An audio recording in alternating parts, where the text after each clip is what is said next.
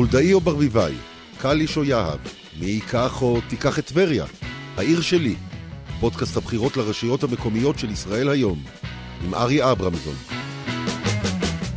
שלום לכם, אנחנו בפרק נוסף של העיר שלי, הפודקאסט המוניציפלי של ישראל היום, לקראת הבחירות המקומיות שיתקיימו בסוף החודש הבא.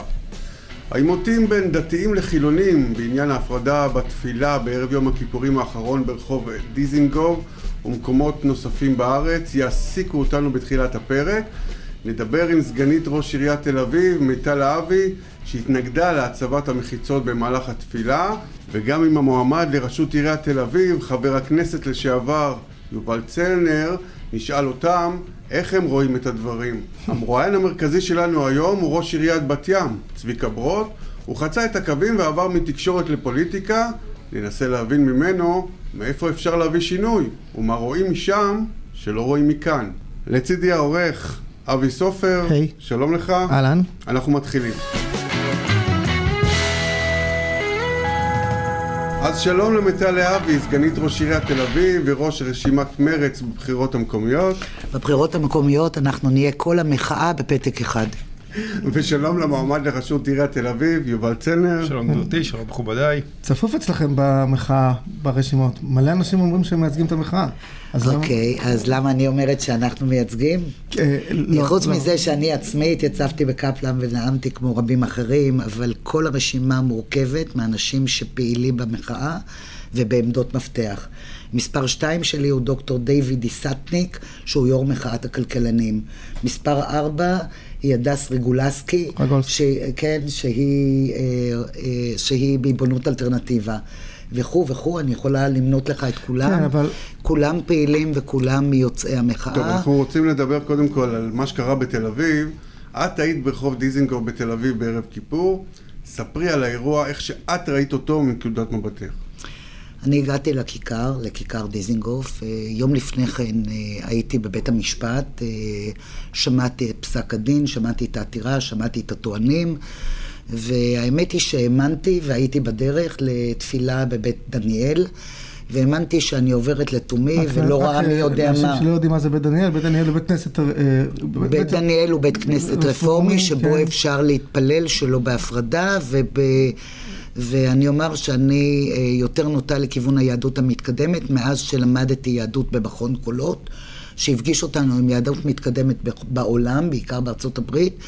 ובאמת יש הרבה מאוד זרמים ביהדות שמדברים לציבור כמוני, שהוא ציבור אה, יותר פתוח, אה, אני לא יודעת מה, יותר מחפש את היהדות שלא על פי ההלכה, אלא על פי תקופתנו אנו, שמוכן לחבק הומואים כן. ו- ולהיות בקרבת לסביות. לא. בוא נדבר על היום הזה ספציפית. כן, ביום הזה הגעתי, ראיתי התגודדות של קהל, ונשארתי לעמוד שם. האמת היא שדי צפיתי מהצד, אה, לא הייתי בלב ההתגודדות. ניסיתי לדבר עם המשטרה, נעמדתי שם ליד השוטר הראשי, ולהבין אם הם מתכוונים, אם הם מתכוונים באמת אה, לאכוף את פסק הדין של בית המשפט. הבנתי שאין להם שום כוונה להתערב, שנמצאים שם כצופים, לא קיבלו שום הערה, אה, שום הוראה בעניין הזה. אני מאוד הופתעתי מהעניין, נשארתי שם, ראיתי שהציבור מגיע יותר ויותר בהמוניו. חייבת להצי... ל- לומר שמנקודת מבטי, רוב הציבור היה שקט, היו שם כל הזמן קריאות, בלי זמבורות, בלי משרוקיות, תהיו עדינים, תהיו רגישים, היום הזה ינוצל כנגדנו, אבל בכל אירוע כזה יש גם כמה אנשים שמנסים למתוח את החוט, ובאמת, אה, מול אותם אה, חברי גרעין שהרימו את התפילה הזאת, נעמדו גם כמה אה, ישראלים, חילוניים, שהרימו את הטונים, ותלכו מפה, ועם המשרוקית, כן, וזה וגם היו גם קריאת בושות. וזה בסוף, ו- הכמה דקות האלה, אבל- אבל- זה מה שתופסים נו, בטלוויזיה. מה- רוב הזמן אף אחד לא עלה על הבמה. יובל, גם אתה ברגע. שעלו על הבמה, זה התחיל להיות מיטל, אה, אז- מאומתי. אז, אז אני רוצה, בוא, בוא רגע נחשוב מה בעצם התפקיד שלנו כנבחרי ציבור, את כסגנית ראש העירייה ואני כמי שרץ לראשות העירייה. אנחנו חייבים בשלב הזה קודם כל להרגיע את הלהבות. לא יכול להיות שאנחנו מלבים את האש. אנחנו, אני מסרב בתוקף לבחור בין הזהות היהודית שלי לבין הזהות הדמוקרטית שלי. אני דמוקרט ליברל בכל רמה חבריי, אני יהודי בכל רמה חבריי. מבחינתי תפילות יום הכיפורים זה דבר קדוש, מסורת ישראל היא קדושה ופסיקות בג"ץ הן קדושות. ולכן אני לא מצליח להבין פה את גישת עיריית תל אביב שלא אכפה את פסיקת בג"ץ, אבל כי היא לפני בעצם כפתה, לא. אני רוצה להגיע לפסיקת בג"ץ כי זה הדבר החשוב פה להבין. לעירייה, אני כן. רוצה שנייה לפני זה, שני דברים שהם ככה צרמו לי, האם הת- התפקיד של, של, של פוליטיקאי בעת משבר, ככה לפחות אני תופס את זה, זה לייצג את הציבור שהוא חושב שהוא, שהוא שלח אותו קודם כל- לשליחות הזאת. קודם כל, עכשיו, תפקיד של ולא- מנהיג ציבור אחראי זה לבוא ולהבין שהוא לא תפקידו כל לשסות. עם בעם, ציבור בציבור, אלא לקרב לבבות. כולנו קודם כל יהודים, זו הזהות שלנו, זה הפסיפס המדהים של בין יהודים חילוניים, הזרם הרפורמי שמיטל פה מדברת עליו, לבין היהודים האורתודוקסים, וכולנו עם אחד, ואם אנחנו לא נדע לחבר את העם הזה, אין לנו זכות קיום בארץ הזאת, אין לנו זכות קיום גם בלי מהות דמוקרטית, אני חייב להגיד, אנחנו חייבים להרים את שני הדגלים האלה במשך 75 שנים, זה עבד וזה עבד מצוין. גם פה גורמים, ככה? גורמים אני קיצוניים משסים אחד אמרה. בשני, ואנחנו חייבים אני- להפסיק את זה אנחנו מכירים את מיידית. העמדה הרשמית של ראש עיר- של ראש אני העיר. לא, אבל אני אומר לך מה ראש עירייה יכול היה לעשות. מאחר והייתה פסיקת בג"ץ, אה, וידענו שעומדת להיות תפילה, אה, היו גם זרמים קונסרבטיביים, למשל קהילת סיני מבוגרשוב, שרצתה גם היא לעשות את התפילה, ואפשר היה לעודד זרם אחר להגיע למקום ולקיים תפילה. אף אחד לא מת, מתנגד לתפילות. כל אחד יכול להגיד, באתי מבית מסורתי, גם אני, יש לי אח חרדי על מלא מלא, ואני מכבד את כל אחד. אבל כשיש קודם כל פסיקה, צריך לכבד אותה, ודבר שני, לא צריכה להיות הפרדה במרחב הציבורי, לא בגלל שההפרדה היא כל כך נוראית, אלא בגלל שהיא מנרמלת מצב שיכול לדרדר אותנו להדתה הולכת לא, וגוברת אבל במרחב. אני, אני רוצה רגע לחדד את, את הביקורת שעכשיו הרגע העברת על אה, התנהלות העירייה. תסבירי לי אותה. תראה, יש שני דרכים לעשות, או בכוח או במוח. אה, כוח לא הופעל, זה בטוח. אה, מכל השיקולים שנאמרו, אבל אפשר היה להפעיל מוח ולשאול את עצמנו איזה פעילות אלטרנטיבית אנחנו יוזמים אבל- במקום כדי להרגיע את האש. היו זרמים נוספים שביקשו להתפלל בכיכר, הם לא הגיעו מהחשש מהעימות. אף אחד מהזרמים האחרים לא רוצה להיות חלק בעימות הזה. לנו יש ברשימה אנשים עם כיפה, הם היו מזועזעים. מכל מה שקרה. הם אנשים שהלכו להתפלל, שלקחו חלק, ויש קושי אבל מאוד גדול, יש קושי מאוד כן, גדול אבל העירייה לעכל את הייתה צריכה האירוע. לעשות מעשה.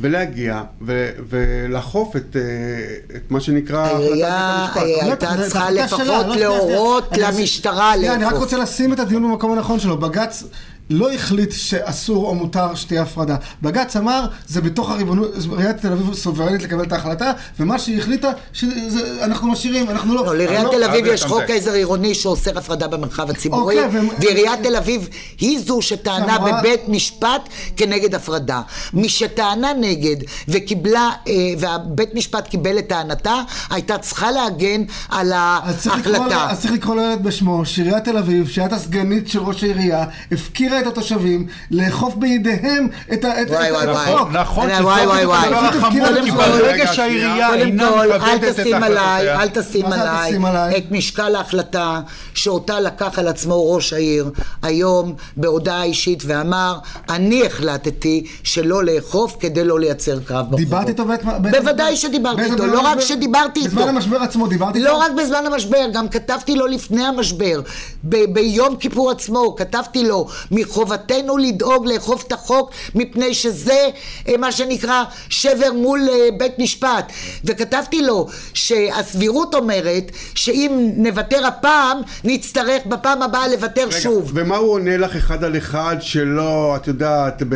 יש לך מסרונים? לך- יש לך מסרונים? להגיד, אני יכולה להראות לך מכתבים ואני יכולה, לה- אה, פניות שלי אליו. להגיד לך שהוא עונה? לא תמיד הוא עונה. לא ענה לסגנית שלו.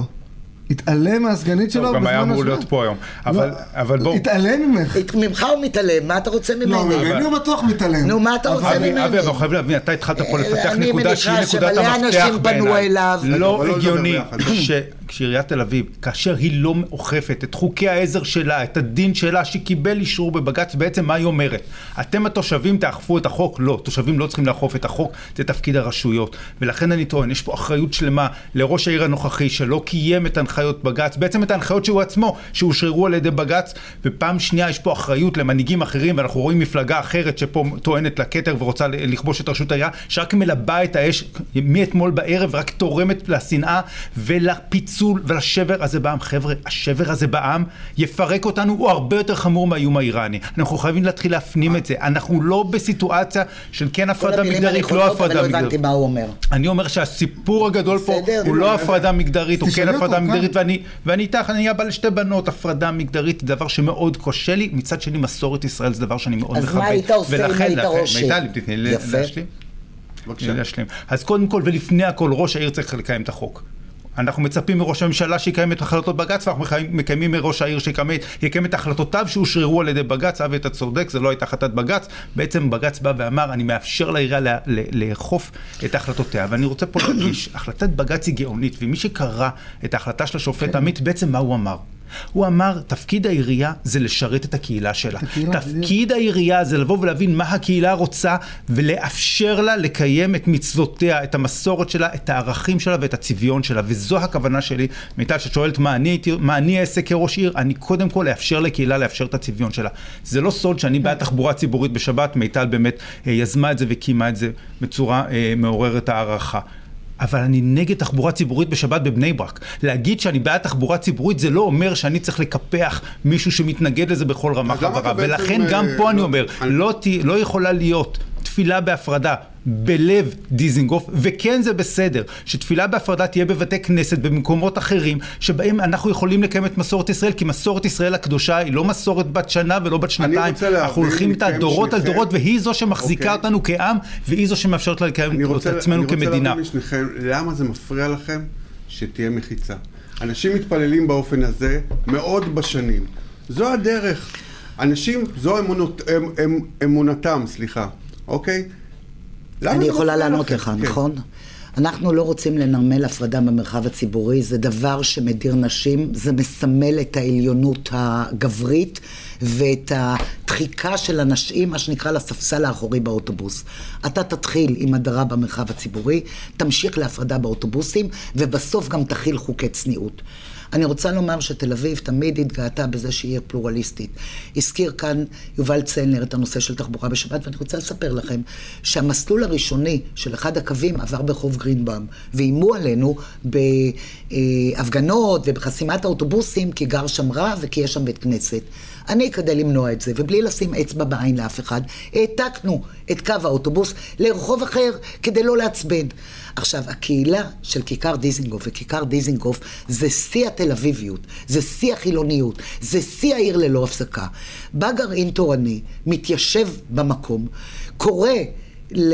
את אמרת שהם חמושים. אה, מיטל זה הרבה יותר חמור, הם אפילו לא גרים במקום, הם אורחים בתל אביב. קורא רובם היו אורחים בעיר, זה הרבה יותר חמור לאנשי תפיסתו ואמונתו להגיע בהמוניהם, כדי לקיים משהו שרוצה לאתגר אותנו ורוצה לעורר קונפליקט. אני רוצה להגיד לך שלצערי הרב, לצערי הרב, הגיעו גם אנשים חושמושים, לא אני אומרת את זה, אלא ראית את זה בצילומים. כן. ראית אנשים, מין טיפוסים כאלה שנראים נערי גבעות, מגיעים עם האקדח תחוב מאחורה ב, ב, במכנסיים, זה צילומים. אני, אני אומרת שראיתי כן. אדם אחד כזה, אבל ראיתי שפרסמו ברשתות צילומים כאלה. בסדר, אבל, אבל זה לא העניין. זה אני, בתל אביב אני לא מכירה שהולכים ככה ברחוב. לא... אנחנו מעולם לא קראנו לתושבי תל אביב לקחת את החוק בידיים, לא כמו שעשה ברקת. לא נכון. ברקת, בתקופת הפיגועים בירושלים, אמר לציבור, אני מציע לכם להצטייד בנשק ולהסתובב אותו, איתו ברחובות כדי, כדי להגן על חייכם. אנחנו בתל אביב אמרנו, שמירת החוק מוטלת על הרשויות, לא על האזרחים. ואנחנו לא מבקשים... אין קשר לשמירת חוק, זה שני דברים שונים. אף אחד לא עשה בו שימוש עדיין. אה, נשיאת נשק זה חלק מזה שאתה קורא לאנשים להגן על עצמם. ואנחנו חושבים שהרשויות צריכות להגן על האזרחים, והם כשלו בפעם הזאת. בכל אופן, אני מאוד חוששת מהמגמות האלה, הן כן. מגמות שמקצינות, אבל... ואנחנו יודעים שתל אביב הפכה יעד לכיבוש. אנחנו רואים את זה בפליירים. בואו לגור בתל אביב, תקבלו מלגת קיום, תקבלו לימודים חינם. ת- תקבלו בית בטוח. אבל זה נכון, זה נכון. זה נכון, תל אביב הפכה יד לכיבוש. הארגון הזה שקוראים לו ראש יהודי, זאת האג'נדה שלו. אבל אני רוצה לשאול אותך על קטע של להיות חכמה ולא להיות צודקת. נכון. האם ייתכן היה שכדאי שיעשו את התפילה שלהם בהפרדה, 30 איש שהגיעו לשם, בצד, וכל היתר יתפללו אה, בצוותא כמו שהם רצו, ואף אחד לא היה שומע על זה, ואף אחד לא היה יודע מזה, ואחרי חצי שעה הם היו רואים שהם לא עושים את הפרובוקציה שלהם, ופשוט מתפנים מהמקום כי אתה יודע. כמה זמן אנחנו חכמים ומבליגים? המון זמן. ואתה יודע שהאירוע הזה לא התקיים רק בכיכר דיזינגוף, הוא קרה גם ביפו, והוא קרה, קרה בכיכר אתרים, ובכיכר המדינה, ובאפקה ובנופי ים. הייתה פה התארגנות מאורגנת, מאורגנת, של גרעינים משיחיים, משיחיים לאומניים, שבאים לשנות את הצביון של תל אביב. תל אביב היא עיר שמקבלת את הדת. יש למעלה מ-500 בתי כנסת בעיר. בנדיבות אנחנו נותנים להם שטחים. אפילו יותר מדי בנדיבות, היום אנחנו נבדוק את זה. אני אומרת לך שפרצה פה מלחמה לא בגללנו, אלא בגלל הניסיון שלהם להכניס לנו אצבע בעין, קודם כל בכיכר דיזינגוף. כן, יובל. חברים, אנחנו חייבים להבין שאנחנו עם אחד, ומסורת ישראל היא מסורת קדושה. אני, אני לא, לא מצליח יכול להבין את לקבל, הקשר, ואני אגיד לך, אבל אני אגיד את. הקשר. כי אני התפללתי בבית כנסת בצוקי אביב, והייתה הפרדה, וזה היה במרחב הציבורי, וצוקי אביב איננה שכונה חרדית, נהפוך הוא, היא שכונה מאוד חילונית. ועשינו את זה בקהילתיות מופלאה, וכמעט כל השכונה הייתה סביב בית הכנסת. והייתה אווירה של חג, הייתה אווירה של קדושה, והייתה אווירה של ביחד. בסוף, אנחנו, כן, דרך אגב, ההפרדה לא... ביחד בלי נשים, ההפרדה, ההפרדה, לא חלק. דרך אגב, ההפרדה לא, לא, לא, לא נכפתה בצורה מאוד אה, בוטה, נשים וגברים נכנסו כל אחד ל- ל- לחלק השני. אבל זה הפרדה, אבל- התחושה הייתה את- את- שזו רגע, אבל, אווירת אה, אבי, החג. כל אחד ואנחנו- יכול לבחור איפה הוא מתפלל בסופו נכון, של דבר. והבחירה הייתה, הבחירה הייתה לקדש את המסורת ולקדש את הקהילה, ומפה אנחנו צריכים להבין. ואני מסכים שבלב כיכר דיזנגוף זה להכניס אצבע לעין, ואני חושב שמי שעשה את זה לא חיפש לקיים את התפילה, חיפש לייצר פרובוקציה. ובטח שלא קירוב לבבות. בדיוק, אבל אוקיי, התפקיד שלנו כמנהיגים, כמו שאמרת נכון, זה לשים את אותם שהפרובוקציה 30 של הצד אנשים בצד, אוקיי? ולהסתכל איך אנחנו לא משסעים אחד בשני, יהודי ביהודי, פחות איך העניין שלא אנחנו... לשסה אחד בשני. תראה, ועוד פעם. אני, אני לא מוטרד מזה שיהודים רבים אחד עם השני. אני מאוד מוטרד ביום מזה. כיפור, וואו, big deal. במיוחד ביום לא, כיפור. לא, אז אני לא, כי אני חושב שזה, ש, כי, כי אני חושב שאם יש משהו שהוא נוגע ב, ב, ב, ב, ב, בלב של הבעיה שאנחנו מתמודדים איתה עכשיו, זה בדיוק העניין הזה. איך אנחנו רוצים להיות יהודים? איך אנחנו רוצים להיות ישראלים? זה הסיפור של כל מה שאנחנו רואים עכשיו, ואם זה מתבטא ככה, זה מתבטא ככה. אבל דבר כזה ישראלי בלי יהודי. אין, זה לא יכול א', להיות. יש ישראלי ערבי ויש ישראלי לא, נוצרי, וישראלי לא יהדות רק. זכות הקיום שלנו- לא על הארץ. נובעת מעצם היותנו בני הלאום היהודי, בני הדת היהודית. אבל אתה יודע שליהדות יש אנחנו בני הלאום היהודי, אנחנו לא בני הדת היהודית. יהדות היא לא רק דת. בדיוק. היא גם דת, לא, היא קודם כל ציוויליזציה. בדיוק. לא. לא, בראש ובראשונה היא. ציוויליזציה ותרבות. ויש בה ומסורת. גם דת וגם מסורת, ויש בה הרבה מאוד דברים שמרכיבים את הזהות הזאת. ובראייה שלי, יהודית. המסורת היהודית והליברליות, בעצם שורשי הליברליות התחילו ביהדות, כי מהי יהדות? מהי תמצית היהדות? ואהבת לרעך כמוך. ותגיד אין משפט יפה מזה אוהבים. עם בעיניי. כלי נשק בתוך תל אביב. לא, אבל. אנחנו לא חלוקים על זה שיש פה קומץ שניסה לא, לחטוף. חברים, אני אגיד לכם. מאיפה זה מתחיל. רגע, את... אני רוצה להגיד מאיפה זה מתחיל. הוא קולט אוקיי. אותך, הכל בסדר. תודה. אה, אני רוצה להגיד שכל עניין כלי הנשק, אוקיי, זה דבר שאתם נאחזים בו, וזו שטות לא- גמורה, באמת. תעזבו, תעזבו את זה, זה לא לעזוב זה לא הכל. הכל לא, נכון, את זה, זה ספציפי. לא, אבל אתה, אתה יכול אה, לעזוב את זה שהגיעו אנשים, תאר לך שאתה אתה מגיע מירוחם, תאר לך שהיו הולכים להקים עכשיו בתוך ירוחם המסורתית, בערב יום כיפור, היו מגיעים אה, חבורה של טרנסג'נדרס לאמצע בית כנסת בירוחם, והחליטו שהם רוצים השנה את, ה- את הם הצום יכולים לשבת בשני הצדדים מפני שלא ברור מה המגדר שלהם. אה, אה, איך היית מקבל את זה? זה אותו דבר. והייתי, אני הייתי מאוד מתנגד לזה. אוקיי. הייתי אומר, לא טוב, לא טוב, כי זה בדיוק כדי לייצר מריבה, והם באו לשם אבל כדי זה לא לייצר אותו מריבה. דבר, זה לא אותו דבר. אני אגיד לך אנחנו מאיפה מדברים הכל על מתחיל. תפילה, לא, רגע. כשאנחנו מדברים על תפילה במרחב הציבורי, ואנחנו מדברים על לימוד גדול וקשה שקורה עכשיו בעם, השאלה איפה אתם כפוליטיקאים באים לאמצע. אוקיי? למה? ולא נאחזים בעמדות אני שלכם. אומר לך, בגלל... מה עמדתי בעניין. תלך אתה לאמצע. הם אף אני כל חטאת. לא, אבל... אף אני- כל אני לא חטאת, אני לא שמדינת הלאום היהודי נתנה את החזקה על היהדות לאורתודוקסיה הקיצונית. זאת אם כל חטאת.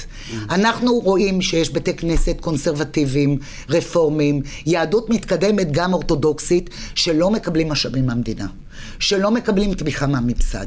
ומה שקורה, יותר בעד- ויותר לוקחים את הבעלות על היהדות, אורתודוקסיה משיחית קיצונית לאומנית. Mm-hmm. ואני בעד לשחרר תקציבים דווקא לזרמים המחבקים, הפלורליסטים, שמקבלים אותנו אה, כפי שאנחנו. מקובל. שני ילדיי, אחד עשה... איפה את מגיעה לאמצע? אני מתחילה לסגור את התקציבים ואת השיבר לאורתודוקסיה ולתת שיבר ולפתוח שיבר לרפורמים ולקונסרבטיבים. האמצע זה? המקום היחידי שאנחנו נוכל לקיים בו מדינה, המקום היחידי שנוכל לקיים בו חברה.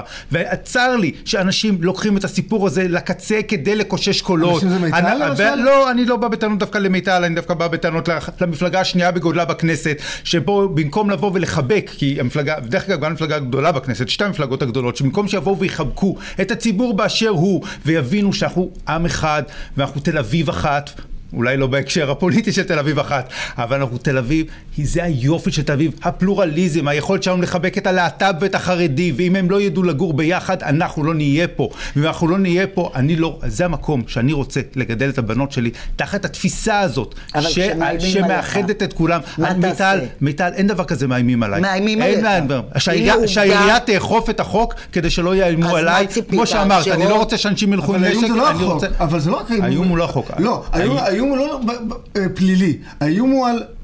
על צב- על הצביון, על הצביון שאתה אז- חי, אז- על על אבי, האופן... אז זה בדיוק מה שאני אומר, הצביון הוא קהילתי, ולכן אנחנו כהנהגה צריכים לאפשר לכל קהילה לממש את הצביון שלה, והצביון בכיכר דיזנגוף איננו צביון של תפילות בהפרדה, צביון בשכונות אחרות, כולל השכונה שאני אה, מתפלל בה, לא גר בה אבל מתפלל בה, הוא צביון אחר, ואני גאה בזה, ואני גאה ב- בדו תל הקיום אביב. המדהים שהיה בצפון תל אביב, במקומות שאני אה, אה, הסתובבתי בהם אה, בכיפור, בערב כיפור וגם ביום כיפור עצמו. ואני חושב שבסוף התפקיד שלנו זה לחבר, לאחד ולדאוג שאף אחד לא יזרוק פה עוד קיסם למדורה ולא ישפוך שמן ודלק לתוך המדורה שגם ככה היא בוערת. ואם הבשורה לא תבוא מתל אביב, מדינת ישראל לדעתי בבעיה קשה. כי תל אביב ליברלית, תל אביב פלורליסטית, תל אביב מכילה, היא, ש- היא, היא הבטוחה למדינת ישראל דמוקרטית. משפטי נופת צופים. אני גרה אה, בכרם התימנים, והיה לי מאוד נעים לראות אנשים לבושים לבן, והולכים בנחת לבתי הכנסת,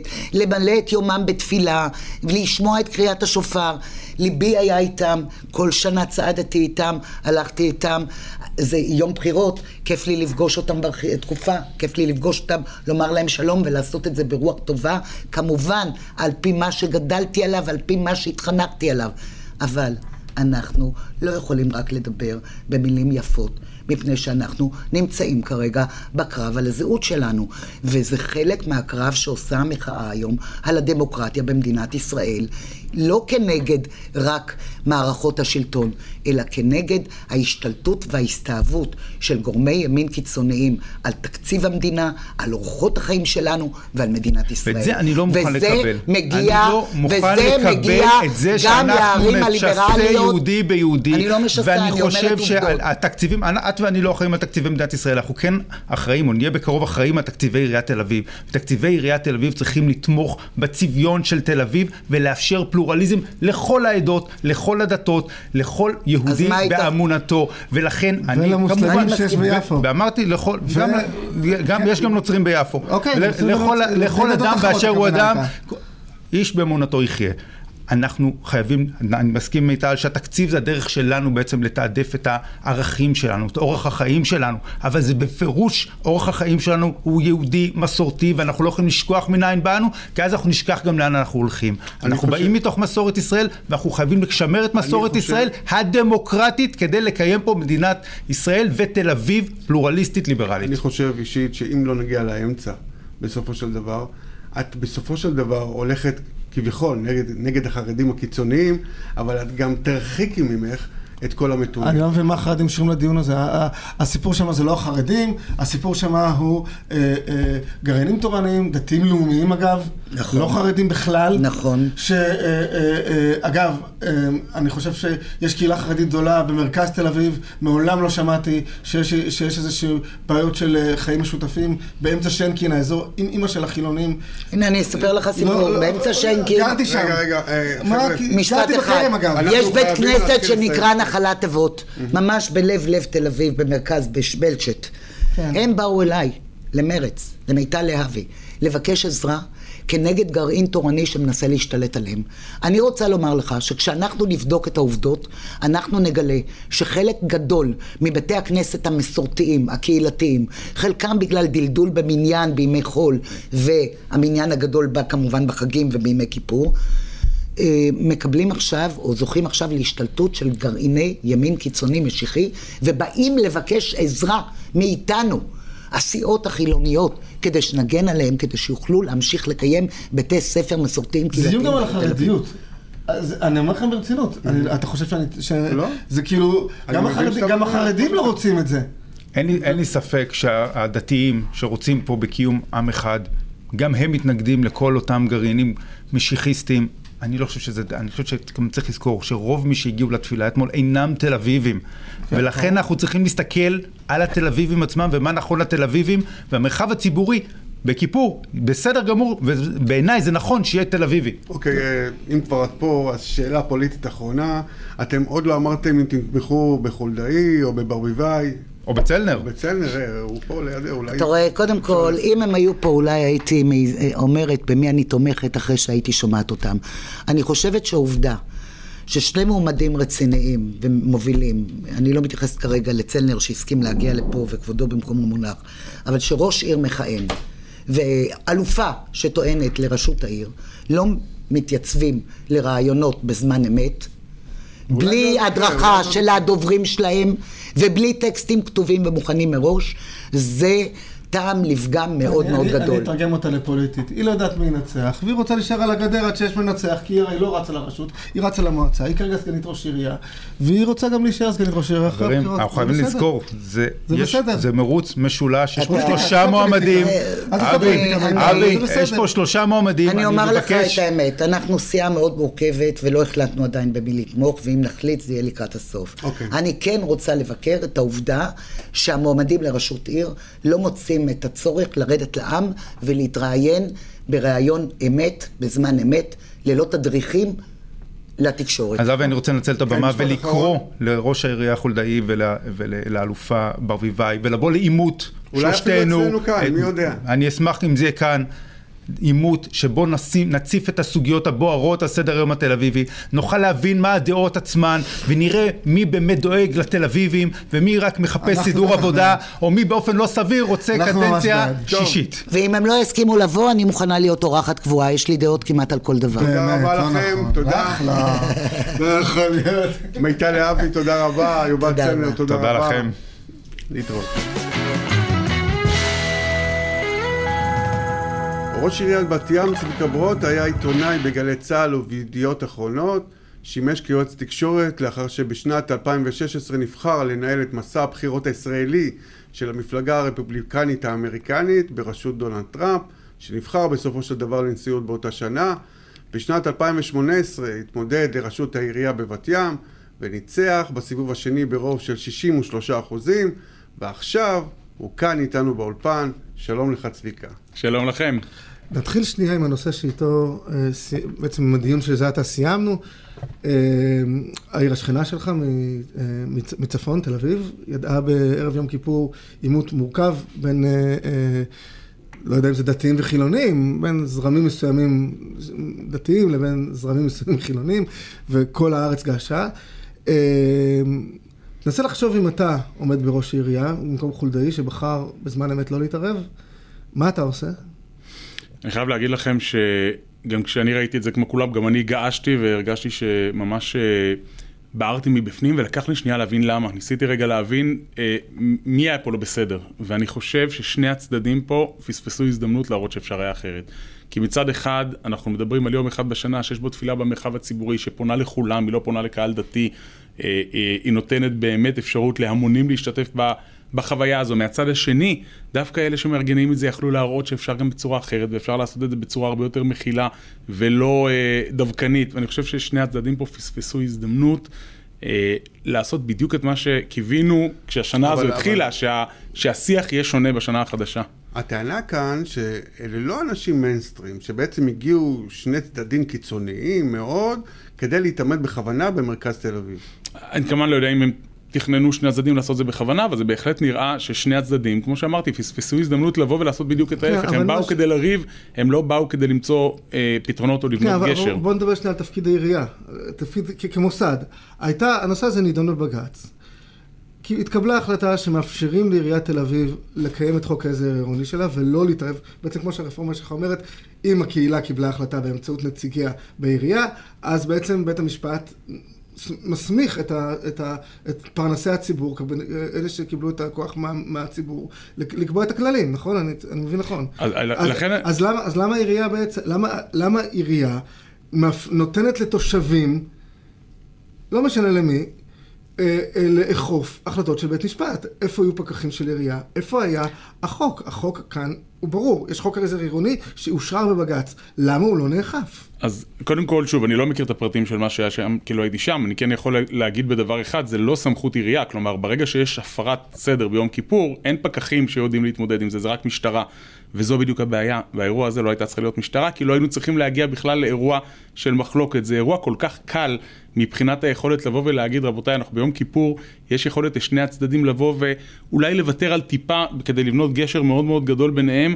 ופה היה פספוס אדיר של שניהם, כשמצד אחד באו אה, לריב, אבל אם ומצד אתה שני ראש לא עירייה, אתה השכילו יורד לבוא ו... לשטח ואומר את- את הדברים קודם כל, האלה? אני כראש עירייה נמצא תמיד בשטח. אגב, גם אתמול ביום כיפור, אה, הייתי כמובן בשטח אצלנו לוודא ש- שהסדר נשמר, יש לנו המון המון... אה, חולדאי צריך להיות שם לדעתך? אני לא מחלק ציונים לראשי ערים. אני שואל אירוע. כזה, אגב, יכול היה לקרות בבת ים? אני מקווה שלא, כי ה-DNA של בת ים מאוד מאוד שונה, ובהקשר הזה לטובה. אתם יודעים, יש לנו הרכב אוכלוסייה שהוא כמעט בלתי אפשרי לניהול בסוגיות האלה, על הנייר. אה, שליש אה, עולים אה, מברית המועצות לשעבר, ויש לנו ציבור חרדי לא קטן, ויש לנו ציבור ליברלי גדול, וציבור דתי, ממש מיקס גדול. וראינו בערים אחרות, ראינו באשדוד ובמקומות אחרים בשנים האחרונות מלחמות שבת ומלחמות על דת ומדינה. אין את זה בבת ים. בבת ים יש ב-DNA של העיר כבר עשרות שנים, כן, אני מדבר איתכם 60-70 שנה, חיים יחד בשלום. אני למשל הולך בשבת לבית הכנסת ולידי יושב מישהו שאחרי התפילה הולך לים. ויש לנו אזורים שפתוחים בעיר ויש לנו אזורים שסגורים, ויש כבוד הדדי בין מגזר למגזר, ואני מקווה שזה אחד הדברים שאנחנו מנסים אה, שהוא יהיה אה, אה, סעיף הייצוא הגדול ביותר של בת ים לערים אחרות, ואני מקווה שאם ערים נוספות ילמדו מאיתנו, אני חושב שתהיה לנו פה חברה טובה יותר.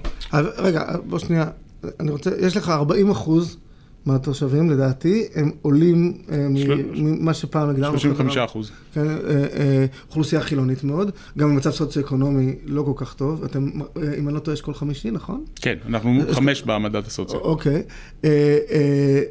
הם זקוקים לפעמים לתחבורה ציבורית בשבת. בשכונות חילוניות. נכון, ולכן- האם, ולכן- האם, האם יש כוונה לצרף את בת ים לאותה, לאותו מיזם של תחבורה, בלי קשר להחלטה של המדינה, אתה יודע, הולך ומתרקם לא, רגע, אתה. לא יכול להפריד את זה. אנחנו אומרים כל הזמן, זה בעיה ארצית שדורשת פתרון ארצי. אנחנו מחכים כבר ואנחנו משוועים להכרעה של הממשלה בסוגיה שנשארה פתוחה המון המון שנים. בת ים, בדיוק כמו ראשון לציון או חולון או הרצליה או רוב הערים, לא יכולה להצטרף באופן עצמאי למיזם כזה או אחר, יש פה גם עניינים כלכליים ויש פה המון המון סוגיות. ולכן אנחנו היינו בעד רפורמת מוניות השירות שהממשלה העבירה כבר, ואז בגלל חוסר כלכליות ביטלה, או שהבנתי שהייתה איזושהי בעיה עם המכרז. אה, הגיעה אחרי זה ממשלה חדשה והבטיחה שהיא תעשה את זה ולא עשתה את זה. אנחנו חושבים שהממשלה צריכה להכריע, להכריע בנושא הזה, אני לא אומר אגב לאיזה כיוון, לפה, לשם. מה אתה ורגע, חושב? ואנחנו, אני חושב שאנחנו נצטרך לקיים כל החלטה של האם הממשלה אתה בצורה מלאה. מעוניין בתחבורה ציבורית בשכונות חילוניות בבת ים? אני שואל אותך, אתה ראש אז- עירייה. אז אני אתן לך תשובה מפורטת. אני חושב שבסופו של דבר, הסוגיה הזו היא סוגיה מורכבת. האוכלוסייה אצלנו היא כזו שחלקה רוצה את זה וחלקה לא רוצה את זה. אני לא יודע להגיד לך עכשיו אם היה משאל עם, שדרך אגב זה אולי רעיון לא רע לעשות, מה היה קורה. עכשיו, בסופו של דבר, יש סוגיות, יש סוגיות שהן בסופו של דבר לפתחנו, ואנחנו צריכים להכריע בהן. הסוגיה הזו היא לפתחה של הממשלה, ואנחנו כן אומרים לממשלה כל הזמן, תקבלו החלטה אבל יש לפה לפה. מיזם כזה של אה, ת- תחבורה, של, של, אה, אה, אה, אה, של תחבורה ציבורית בשבת, מיזם, נקרא לזה חצי וולונטרי, חצי, האם בת ים תצטרף אליו? לא, אבל זה, אני עניתי לך, בת ים לא יכולה בדיוק כמו הרצליה או חולון או ראשון לציון, בעצם רוב הערים, יש פה מיזם אה, תל אביבי שהוא לא קשור לבת ים. זה משהו שעיריית תל אביב עשתה בכספה, זה לא משהו שהעיריות האחרות עושות, אה, אה, לפחות העיריות שאני הזכרתי. יש מספר קטן של עיריות שהצטרפו, זה נכון, אבל שוב, זה לא מסלולים שעוברים בבת ים. אני כן אומר לך שפה יש בעיה ארצית וצריך שהממשלה תקבל בסופו של דבר הכרעה. אריה. אוקיי. צביקה ברוט לא רוצה להגיד לנו אם הוא תומך או מתנגד בתחבורה ציבורית, הוא לא רוצה להגיד את זה. זה, הוא לא לא, לא, נתן- שנייה. לא תשובה. לא נתן תשובה. אז אני אחזור ברשותך, לא. אז אני לוקח רגע עוד חצי דקה לחזור, כי אני חושב שאמרתי דבר מאוד מאוד ברור. אבל זה נכון. תפקידו של, ראש, תפקידו של ראש העיר זה לייצג את הציבור. יש בציבור אנשים שרוצים ויש בציבור אנשים? שלא רוצים. אז אני עונה לך. יש אנשים שרוצים ויש אנשים שלא רוצים. אני אומר לך שבכל הנושאים שהם נמצאים בסמכותי, אתה תקבל הכרעה מאוד מאוד ברורה, מיידית. בנושאים שהם בהכרעת הממשלה, אנחנו נקיים כל החלטה של הממשלה. אוקיי. והנושא שהנושא הזה נשאר פתוח. כל אחד יבין אותה איך, ש... איך שהוא רוצה. אה, בוא נעבור רגע לעניין הפוליטי. סקרים, אה, שלא כל כך ברור מי עשה אותם, התפרסמו בסוף השבוע האחרון בעיתונות המקומית בבת ים, מעניקים לך ניצחון אה, גדול של כמעט 70% תמיכה. האם בכל זאת יש לך איזה חששות, אה, או שאולי תהיה איזה שאננות? שלושה סקרים פורסמו, דרך אגב, אני לא רציתי כל כך לדבר על זה, כי אני מפחד באמת משאננות, אני מיד אגיד את זה. מעין הרע? אבל לא, לא, משאננות. אני כן אגיד שלושה אה, דברים, שלושה סקרים שפורסמו, אחד מהם מופיע אגב ב, אה, באתר של ועדת הבחירות המרכזית, אצל כן. השופט סולברג, של רפי סמית, שבוצע ממש עכשיו, בחודש אוגוסט. מי ערך אותו? סקר, מי- רפי סמית. לא, אבל סתם הוא ערך. אותו? בהזמנה של מי? בהזמנה שלנו. אה, שלך, של כן, כן, שלך. חד משמעית. אה, הדבר השני, סקר נוסף שעשינו, כיוון שאנחנו בודקים את עצמנו כל שבועיים, של אה, שלמה פילבר, של המכון Direct Polls, כן. וסקר שלישי נוסף של סמית, שהיה משלב קצת יותר מוקדם, של בערך לפני כן, חודשיים. שלושתם מראים את אותה תוצאה פחות או יותר, אנחנו קרובים אה, מאוד ל-70 אחוז, בין- תלוי על איזה תו- סקר אתה מסתכל, בין 68 ל-71 אחוז, אה, המתחרה שמולנו בין 16 ל-19 אחוזים. לא תכננתי לדבר על זה, אבל אתם הרמתם להנחתה, אז אני שמח על לא, ההזדמנות אה. כן להזכיר את זה. אבל אה, שאלת אם אני חושש משאננות, כן, כשאתה נמצא במספרים כאלה אה, מול ראש עיר אה, לשעבר, שמתמודד מולי, אה, כשהוא נמצא עם מספרים כל כך נמוכים ואנחנו כל כך גבוהים, אז לכאורה זה באמת גורם לציבור להגיד, אתה לוקח בהליכה. והדבר שהכי מפחיד אותי זה שאני נמצא כל היום ברחוב, פוגש בת ימים והם אומרים לי, אה, אנחנו לוקחים בהליכה, אז התשובה היא לא. בחירות אף פעם לא לוקחים בהליכה, אני אומר את זה גם כמי שהיה יועץ למנהיגים בעולם אה, בעבר, זה לא משנה אם אתה אה, בבודפסט, בארצות הברית, ביפן או, ב, או בישראל. בחירות עושים בעבודה קשה, ולכן אנחנו מתכוונים להילחם על כל כל למרות הסקרים הטובים. לפני שבוע התראיין כאן אה, שלומי לחיאני שמתמודד נגדך. אה, הוא אמר אגב שהמספרים האלה הם לא, הם לא מדויקים, מפתיע. בלשון המעטה. אה, וסיפר דרך אגב, אני יכול, אני רגע, לא, אני לא רק אוהב להפריע לקמפיינים אחרים, אני רק אגיד שבסקר שהוא עשה, אני יכול להגיד לכם אגב עם מי, התוצאות זהות. אוקיי.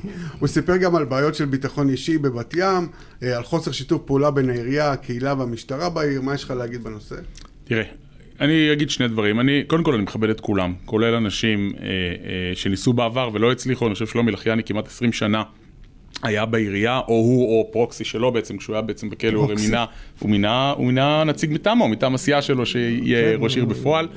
אה, ואז לצורך העניין... אז אתה מכבד אה, את הפרוקסי גם? אני לא הבנתי. כן, מכבד את אוקיי. כולם. אני מכבד את כולם, חד משמעית. ולכן אני לא, לא אחפור בעברו של אף אחד, וזה לא משנה למי הוא קשור ומה היה בעברו. אה, אני חושב שפה הציבור ישפוט. אבל, אני חושב שמי ש... אתה רק ש... צריך להזכיר את ה... אתה רק בחרת לה- להזכיר את עברו עכשיו. בסדר. לא, אוקיי. אתה, אתה אולי תזכיר תכף, אני לא התייחסתי לזה. אני לא חושב, ש... אגב, אני חושב שכולם יודעים, זה לא סוד, עברו הוא עבר אבל פלילי. שאלתי אותו שאלה, תן לו לענות. בדיוק. אני חושב שבסופו של דבר, אה, כשאתה מנסה 15 שנים לעשות איזשהו שינוי בעיר ולא מצליח, כנראה שזה לא עובד וצריך לעשות משהו אחר. ואני חושב שבחמש השנים האחרונות, כיוון שאני באתי גם מחוץ למערכת, בניגוד לאלה שישבו בעירייה 20 שנה וניסו והביאו את בת ים לפשיטת רגל, אני קיבלתי עיר לפני חמש שנים אה, שהייתה על סף פשיטת רגל ממש. כלומר, הממשלה תכננה לאחד אותה. אה, עם יפו תל אביב, עם תל אביב. יפו, היה חשב מלווה, היה הגירעון הגדול ביותר אי פעם בשירות הציבורי ביחס לגודל האוכלוסייה. אה, דרך אגב, גם במספרים מוחלטים, למעט ירושלים, זה הגירעון הכי, הכי גדול אי פעם, עם שירותים אה, מאוד מאוד אה, אה, דלים לתושב, ואני חושב שהצלחנו לעשות שם מהפכה בזכות שלושה דברים. הדבר הראשון, ההבנה המיידית שלי, זה גם מה שאמרתי לצוות ביום הראשון שלי בתפקיד, שלא כל החוכמה נמצאת אצלי. הפעילים הפוליטיים שלי עדיין כועסים עליי, אבל לא הכנסתי אף פעיל פוליטי להנהלה בעירייה, לא מנכ"ל או סמנכ"לים, הבאתי מנכ"לית ממשרד האוצר, סמנכ"לים מכל העיריות הכי טובות סביבנו, ובנינו צוות מקצועי, ובתוך שלוש שנים עשינו את מה שבמשרד האוצר היום מגדירים כנס כלכלי, והפכנו את בת ים לראשונה בכמעט 100 שנותיה למאוזנת. היום בת ים כבר שנה שנייה ברציפות ללא גירעון, העיר כבר פתאום עם קופה הטע- מלאה. הטענה אגב ש... שלא קיבלתם עם גירעון. זו הייתה הטענה. כן, אפשר גם לטעון שעכשיו אה, בוקר, כשעכשיו לילה או להפך. אני, אתה יודע, הדרך הכי טובה להילחם בשקר זה פשוט בלהגיד את האמת שוב ושוב. ואני חושב שבסופו של דבר, מי שיעשה גוגל אה, יכול לראות באיזה מצב בת ים הייתה לפני חמש שנים. אגב, חשב לא, אני, מלווה... איכשהו התחמקת ככה באלגנטיות, לא דיברת על מצב הביטחון בעיר. לא, לא, אני אתן לך תשובה מפורטת. אוקיי. קודם, קודם כל, אנחנו שמחים על שני דברים. הדבר הראשון הוא שהיום, בניגוד לעבר, אה, ביחס, אנחנו בדרך כלל בודקים את עצמנו ביחס לגוש דן, כי אנחנו נמצאים בגוש דן, אז בתוך גוש דן, ודאי בכל הערים סביבנו, תל אביב, חולון, ראשון, הפשיעה בבת ים היא הרבה יותר נמוכה. אה, זה לא משהו שהיה כשהייתי ילד, לשמחתי היום כן, אנחנו במצב לא, הרבה יותר אה, טוב ממה שאתה ודאי גם זוכר, ודאי. מתקופה, מהתקופה שבה אה, אה, סיקרת אותנו. אה, ולכן במובן הזה של פשיעה מצבנו טוב. איפה הבעיה? הבעיה היא, ולזה לחיאני מת- מתכוון, אה, מפריע אה, ללחיאני שמגיעים אנשים מחוץ לעיר בימי שישי, זה מפריע אגב אה, גם לי, אה, וגורמים למפגעי רעש וגורמים למפגעי אה, הטרדה, בעיקר... הש- השכנים אה, מצפון, אתה מתכוון?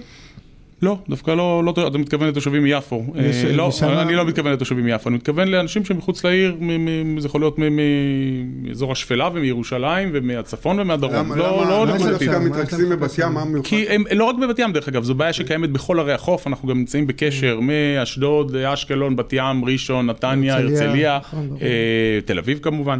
אה, אז אנחנו מנסים ביחד לטכס עצה כדי לראות איך מצד אחד לאפשר לאנשים לבוא וליהנות, באמת יש לנו את החוף הכי יפה והכי נקי בארץ, ומצד שני אנחנו לא רוצים שיגרמו מפגעים לתושבים שלנו, וזה גורם למפגעים לתושבים שלנו. ולכן עשינו, אה, כבר לפני שנה התחלנו תהליך, זה תהליך ארוך. אה, שאנחנו נמצאים בשיאו, שכולל שישה צעדים מרכזיים. הדבר הראשון הוא, אה, יש לנו חניון אחד מרכזי שפשוט מאוד בשעות הלילה היווה בעבר מקור הפרעה, בעיקר מפר- מפגעי רעש, פשוט מאוד סגרנו אותו בשעות הלילה. זה הפך להיות בר, שני- אה, בר- בר- בר- בר אה, של. אה, אה, זהו, אז כבר לא, הוא כאילו- סגור, הוא סגור בסוף שבוע בשעות הלילה. אני- המאזינים שלנו לא כולם בת ים, הם לא מכירים את ה... הם צריכים לבוא לבקר. אה, אמיתי צריכים. אה, אה, יש שם איזושהי, יש אה, אה, בהרבה מאוד מקומות, ליד מקומות הבילוי, אנשים, כדי להיכנס מה שנקרא מתודלקים לפאב, בזול, הם פותחים בר בפגש שלהם, נכון. ממלאים את הפגש זה באלכוהול. זה קורה לא רק בבת ים, כן. לא, לא, בכל כן, הערים. זה שם, זה- זאת הבעיה, אבל עכשיו שם זה שכונת מגורים. כי אה, פה זה עם- איזשהו חניון שנמצא באמת כאילו, אה, אה, אה, לא, דווקא אתה יודע, זה אזור פחות דתי, זה אזור פשוט מאוד שהתושבים רוצים לישון בשלוש לפנות בוקר, כן. הם לא רוצים שיעירו אותם, זה מוזרים כאלה. כן. אז מה- מה ביום שעשיתי. זה חתמתי על צו שהוא פשוט סוגר את החניון הזה בשעות הלילה בסופי שבוע, הוא פשוט סגור. אוקיי. המשטרה סוגרת אותו, זה אחד. הדבר השני, מצלמות. כשנכנסתי לעירייה, אתה יודע, אני חייב לספר לכם בעשר שניות סיפור מדהים. הגעתי לביקורת פתע ב-12 בלילה במוקד העירוני בשבוע הראשון שלי בתפקיד.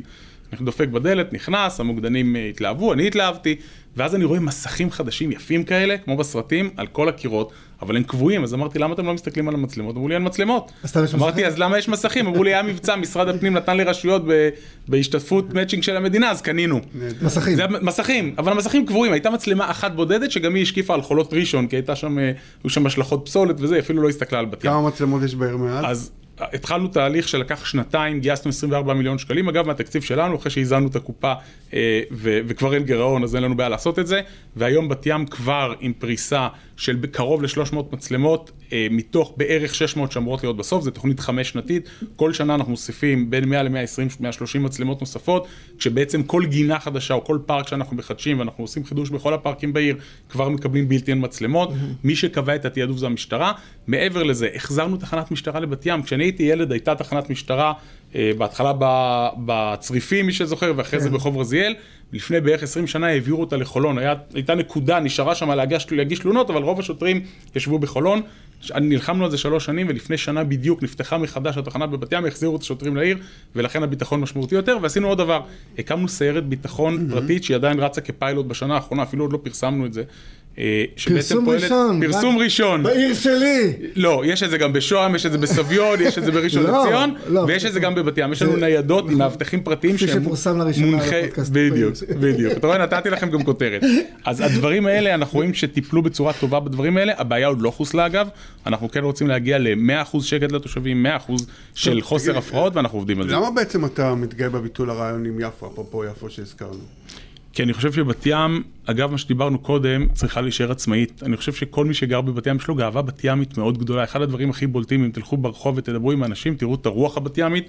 זה מצחיק, כי בת ים היא אחת הערים הגדולות במדינה, אנחנו 15 הגדולות. ועדיין ההתנהלות בה... פרובינציאלית קצת. כן, מאוד חמה, כולם זה- מכירים את כולם, כולם חברים של כולם. ולבוא עכשיו ולחבר אותנו עם יפו, פשוט משנה את ה-DNA של העיר לגמרי. אגב, גם אם היו חושבים על איחוד, אנחנו חשבנו שהיה הרבה יותר הגיוני לחשוב על חולון או על ראשון לציון, לא על תל אביב, בגלל. אה, האופי הרבה כן. יותר אה, דומה. ועדיין אנחנו חושבים ש... אתה יודע, בזמנו כשלחיאני יזם את ה... אתה יודע שנולדתי בבת ים, שאני גרתי בבת ים עד גיל שלוש. אוי, יפה. לא, נו, אז ה- ינקת את אוויר העיר, ברמת אה, אתה אומר. הנשיא. יפה מאוד, אחת השכונות הטובות. בבלפור? ואני חושב שבסופו של דבר, לא, לא, לא, לא, לא, בליבורנו, בליבורנו. ליבורנו, זהו, בלפור זה לא רמת הנשיא. אני אבל, אני. עשית לי פה בדיקה, נראה. כן, כן, לא, בלפור זה. בגבול יפה בת ים. אבל אני אגיד לך שבסופו של דבר אני חושב שאחד הדברים המשמעותיים, כשלחיאני בזמנו תמך באיחוד עם אה, יפו, הם חשבו שאין לבת ים תקומה כלכלית, בת ים בפני פשיטת רגל. אז הנה הוכחנו שכשאין שחיתות, יש ניקיון כפיים ויש ניהול מקצועי, ושקיפות אגב אני גם מוסיף, אתה מצליח לאזן את העיר ופתאום הקופה מתמלאת ופתאום אפשר לתת שירותים עירוניים אוקיי, בוא ברמה הרבה יותר בוא גבוהה. נדבר קצת פוליטיקה יאללה. מקומית. אה, אתה קיבלת את התמיכה הרשמ- המוצהרת של עוצמה יהודית. ו- וכל שאר המפלגות, בוא רק נגיד, יש עתיד, או, לא, כחול אוקיי, לבן, א- ו... א- אבל, אבל, אבל, אבל, לא, ההסכם הקואליציוני איתה, אתה בחרת, לא, אמרת שאותו אתה לא צריך לחשוף, מדוע בעצם? לא, אז לא מדויק, בוא, בוא נדייק. אנחנו, אני, אחד הדברים שאני הכי גאה ושמח עליהם זה שאני אחד מראשי הערים הכמעט יחידים בארץ, לדעתי יחידי, אבל אני אומר כמעט יחידי כי לא עברתי 250 רשויות, שזוכה לתמיכה מקיר לקיר. ממרץ, יש לי היום בקואליציה ממרץ ועד הציונות הדתית, שבהם זה הנציגים של עוצמה יהודית, שישבו יחד עכשיו חמש שנים והכל היה בסדר. כשמגיעות בחירות אז פתאום אתה שומע כל מיני הצהרות אחרות, אבל בסופו של דבר חמש שנים ישבו ביחד, ומה זה עבדו נהדר? העיר בובה. באמת, הקמתי קואליציה מקיר לקיר, דרך אגב, הסיעה היחידה שהשארתי בצד ונשארה שני נציגים בחוץ, זה באמת הסיעה של אחיאני, כי לא ראינו לנכון, ושוב, אני באמת מכבד את כולם, אבל ענייני טוהר המידות מבחינתי זה נון סטארטר. ולכן, מה שקורה עכשיו זה שלקראת הבחירות האלה, אכן קיבלתי תמיכה וחתמתי עם כל המפלגות שהביעו בתמיכה, ודרך אגב, אני גאה על זה, ואני אתן לך את כל הרשימה, ליכוד, כחול לבן, יש עתיד, אה, אה, ישראל ביתנו, ש"ס, אה, ציונות דתית, עוצמה יהודית, יש הסכם נפרד עם עוצמה. יהודית? עם כולם, עם כל המפלגות האלה. אבל, ש- עם כל אחת מהמפלגות אוקיי, שחתמה אז- איתי, אז- רגע, כל אחת מהמפלגות שחתמה איתי יש הסכם, ואני אגיד לך מה כתוב בו. כתוב שם בצורה מפורשת, שכל מי שירצה אחרי הבחירות להצטרף לקואליציה שלי, יהיה חייב לוותר על האג'נדה שלו ולקבל את האג'נדה שלי. ומי שינסה להכניס איזשהו משהו קיצוני לתוך הקואליציה שלי, יקבל בעיטה החוצה, בדיוק כמו שעשיתי עכשיו. דרך אגב, לא מימין ולא משמאל. ומי שינסה בבת ים להביא איזשהו משהו שקשור לכפייה, לחוסר שוויון, ואותי אגב אף אחד לא ידבר על זה, אני ראש העיר שהכניס הכי הרבה נשים לתפקידי ניהול, 70% מהמנהלות אצלי הן מנהלות בהגדרה. אני הסיעה היחידה היום במועצת העיר מתוך שישה מנדטים שהרוב בה הוא רוב נשי. אה, אני היום אה, במצב שבו אנחנו שומרים על מערכת החינוך, כולל אגב מלחמות שהיו לי מול אבי מעוז כשניסו להיכנס, אף אחד בבת ים לא נכנס, ואני אמרתי, גם אם יתהפך העולם, בת ים תחנך את הילדים שלה ברוח התנ"ך ומגילת העצמאות, וזה מה שיהיה בפעם הבאה, ואני אגלה לך עוד סוד. בבת ים יש גם עסקים שפתוחים בשבת ויש עסקים נכון. שסגורים בשבת ואף אחד לא ישנה את זה וניסו אגב ללחוץ עליי בחמש השנים האחרונות ואני אמרתי? בוודאי, סטטוס קוו לא ישונה כי חיים ככה בשלום. עכשיו מי שינסה לחרחר ריב, וזה לא מעניין אותי אם זה בגלל שהוא מנסה לקושש קולות לבחירות או מסיבה אחרת, יקבל בעיטה החוצה מהקואליציה שלי. רגע, ועשיתי עוד דבר. בדיוק כי רציתי להראות אני שאנחנו עדיין לא באים, הבנתי מה יש בהסכם עם עוצמה יהודית. בדיוק את מה שאמרתי. אז למה לא הצגת תשמע את אותו? ההקלטה. מה זאת אז למה לא אומרת? הצגת אותו? את מה לא הצגתי? יש... אה, בפני מי? בפני הציבור. מה זאת אומרת? מי ש... כל מי שביקש קיבל תשובה מלאה על מה שיש, זה פשוט לא נכון. אוקיי. ההסכמים, על פי חוק, הסכמים בתוך סיעות בתוך הקואליציה מחויבים להניח על שולחן מועצת העיר. הסכמים עם אנשים שהם לא במועצת העיר, אתה לא אמור להניח אותם, אבל אין פה אוקיי. שום סוד. אני אמרתי עכשיו מה יש ואני אגיד לך יותר מזה. טוב. ההסכם הראשון שחתמתי עליו הוא עם הנציגים, הם רצים יחד של אה, אה, תקווה חדשה, יש עתיד וכחול לבן. והכנסתי אלי שם... יריב, לא? כן, אוקיי. והכנסתי שם מיוזמתי סעיף וטו, שאומר שאנחנו, אני והם, נרכיב את הקואליציה ראשונים, וכל מי שירצה להצטרף אחר כך, יוכל להצטרף. כלומר, עכשיו, מה שנקרא השותפים הטבעיים. כן, חד. חד משמעית. עכשיו אוקיי. אני אומר לך שוב, אני באיזשהו שלב במהלך הקדנציה הזו גם פיטרתי את נציגת מרצ פעם אחת, ואחרי זה היא חזרה לקואליציה, אנחנו חברים טובים, אבל עדיין פיטרתי אותה, כי ניסתה להכניס דברים שהם קיצוניות לתוך המערכת, והיה לי בדיוק אותו דבר עם אנשים מימין במהלך הקדנציה, שהם אמנם לא היו במועצת העיר, אבל הם קיבלו בעיטה החוצה ממיזמים עירוניים. לא תהיה קיצוניות בבת ים במשמרת שלי, נקודה. צביקה. אנחנו הולכים על זרם מרכזי, ככה היה וככה יהיה. אתה יו"ר הוועדה המוניציפלית של הליכוד, נבחרת לפני כמה חודשים לתפקיד. למה בעצם המפלגה מתקשה לבנות בסיס מוצק ולהרחיב את ההשפעה שלה ברמה המקומית ברחבי הארץ? אני חושב שדווקא בבחירות האלה, באופן אולי אפילו מפתיע, אה, היא לא כל כך מתקשה. אנחנו רואים היום אין ספור מקרים, אני לא אכנס למקרים ספציפיים כי אני עדיין אה, בוועדה, אבל כחבר הוועדה, אני חושב שבעשרות מקרים היו לנו פשוט מלחמות על מי ייצג את, ה, את הליכוד ובאיזה קונסטולציה. אז את התוצאות נצטרך לראות כמובן בעוד אה, חודש וקצת. זה משמעותי אני חושב- ברמה מקומית לקבל תמיכה של מפלגה כמו הליכוד? למה זה חשוב בעצם? תראה, הרי- כל מפלגה, אני אגיד לך מה, יש לך בסופו של דבר בכל עיר ועיר, בכל יישוב ויישוב, אנשים שמתמודדים, רובם נתמכים על ידי מפלגות, לא משנה איזה. עכשיו, יש לזה לפעמים יתרונות קודם כל, כי אתה רוצה להראות שיש גוף גדול שעומד מאחוריך. זה נראה על פניו שיותר מפלגת האם לוקחת קרדיט על הצלחות מקומיות. כן, אבל היא גם נותנת לך, אבל בוא, אם יש לך. בעיר ספציפית, שוב, אני לא מדבר על עיר אה, נקודתית כזו או אחרת, אבל בכל עיר ועיר, כשיש לך מפלגה מאחוריך, אז אתה מקבל מזה הרבה מאוד. דרך אגב, אתה מקבל הרבה. פעמים גם כסף. לא רק, יש כאלה שרצים עצמאית והם נתמכים על ידי המפלגה בלי כסף, יש כאלה שגם לוקחים כסף, רובם אגב לוקחים תקציבים. ברור. אבל אה, מעבר לכסף, אתה מקבל שיתופי פעולה אה, רעיוניים לצורך העניין. עכשיו, אם אתה עכשיו ברעננה רץ כנציג מפלגת X, או שאתה תרוץ מחר בבאר שבע כנציג מפלגת Y, זה אומר לציבור לצורך העניין שאתה בא עם איזשהו בסיס תמיכה מאוד מאוד משמעותי, ולכן אנשים נלחמים כדי לקבל את התמיכה הזאת. אגב, אתה החלפת בתפקיד את אה, חבר רב עוצמה, מה שנקרא חיים ביבס. יושב ראש המרכז? לשלטון מקומי. בטח, ביבס ואני אה, חברים טובים, אני חושב שהוא אחד ה... קודם כל הוא ראש עיר מצוין, והוא יושב ראש כן, אבל מצוין הוא- הוא- בפחות של אנחנו השלטון לא יודעים על המקומי. מה הוא נענש. אני אגב לא יודע, ויותר מזה, אה. אני אני אגלה לכם סוד, הנה רציתם עוד, עוד, אה, עוד, בגלל אה, שהוא היה חשיפה מסויג ראשונה. בתמיכה ברפורמה, מה זאת אומרת? אני, תראה, שוב, אני ראיתי את הפרשנויות האלה, אני חייב להגיד לך? כן, אני חייב. להגיד לך, אני חייב להגיד לך שאני וחיים מדברים על בסיס יומים לפעמים, על בסיס יומי לפעמים, אה, ואני לא חושב שאפילו הוא מרגיש ככה, אני כן אגיד לך אבל דבר אחד, אני לא הייתי לוקח את התפקיד הזה בלי תיאום עם חיים. אני מתואם איתו, אנחנו לא, חברים אני קרובים, לא שואל על אני. אחד הסגנים שלו בשלטון המקומי, ואני אוקיי. חושב שאין לי ספק שהוא ימשיך להיות אה, יושב ראש מצוין של השלטון המקומי גם בקדנציה הבאה, ואני אגיד לך אבל למה, כי הוא פשוט עושה עבודה נהדרת, אני לא ראיתי ש... מעבר לפרשנויות, ואני כן אומר פרשנויות, כי זה נמצא שם, שום שיח בשלטון המקומי שקשור לחיים או כל אחד אחר שקשור לרפורמה, אלה עניינים אה, שבעיניי הם באמת היו סוג הוא- של... אה, אה, אה, סוג של היה מאוד פרשנות. מסויג בתמיכה שלו ברפורמה בתור איש אבל אתה יודע שאני וחיים- והציפייה שלו הייתה יותר להתייצב לימינו של ראש הממשלה בעניין הזה, והוא- ומה שלא קרה. עכשיו השאלה אם אתה למדת את הלקח הזה, ואתה כן אה, עומד לימינו אז של אני ראש רוצה, הממשלה בעניין אני רוצה הרפורמה. להזכיר לך, אגב, שחיים ואני הובלנו לפני כמה חודשים, זה היה לדעתי במרץ, את אחד הניסיונות המשמעותיים לנסות להגיע לאיזשהו אה, הבנות בין הצדדים פה, ואני אומר לך שוב, שאם אתה תעלה את חיים עכשיו על הקו ותשאל אותו, אני מנחש, כן? לא, דיברנו פעם אחרונה שלשום, אבל... אה, אבל אה, אני מנחש עם, עם רמת ודאות די גבוהה, שהוא יגיד לך שהוא לא יודע על מה אתה מדבר. צביקה, ראש עיריית אה, צביקה בת ברוט. ים? צביקה ברוט? נכון. אה, היה לך תודה כיף רבה. איתנו? תמיד. אה, אוקיי. תודה רבה לך. ותבואו. לבקר בעיר. בטח, תזמין אותנו לבוא. אתם מוזמנים בשמחה. יאללה, תודה רבה. ביי. ביי ביי. אנחנו סיימנו כאן, מקווים שנהנתם.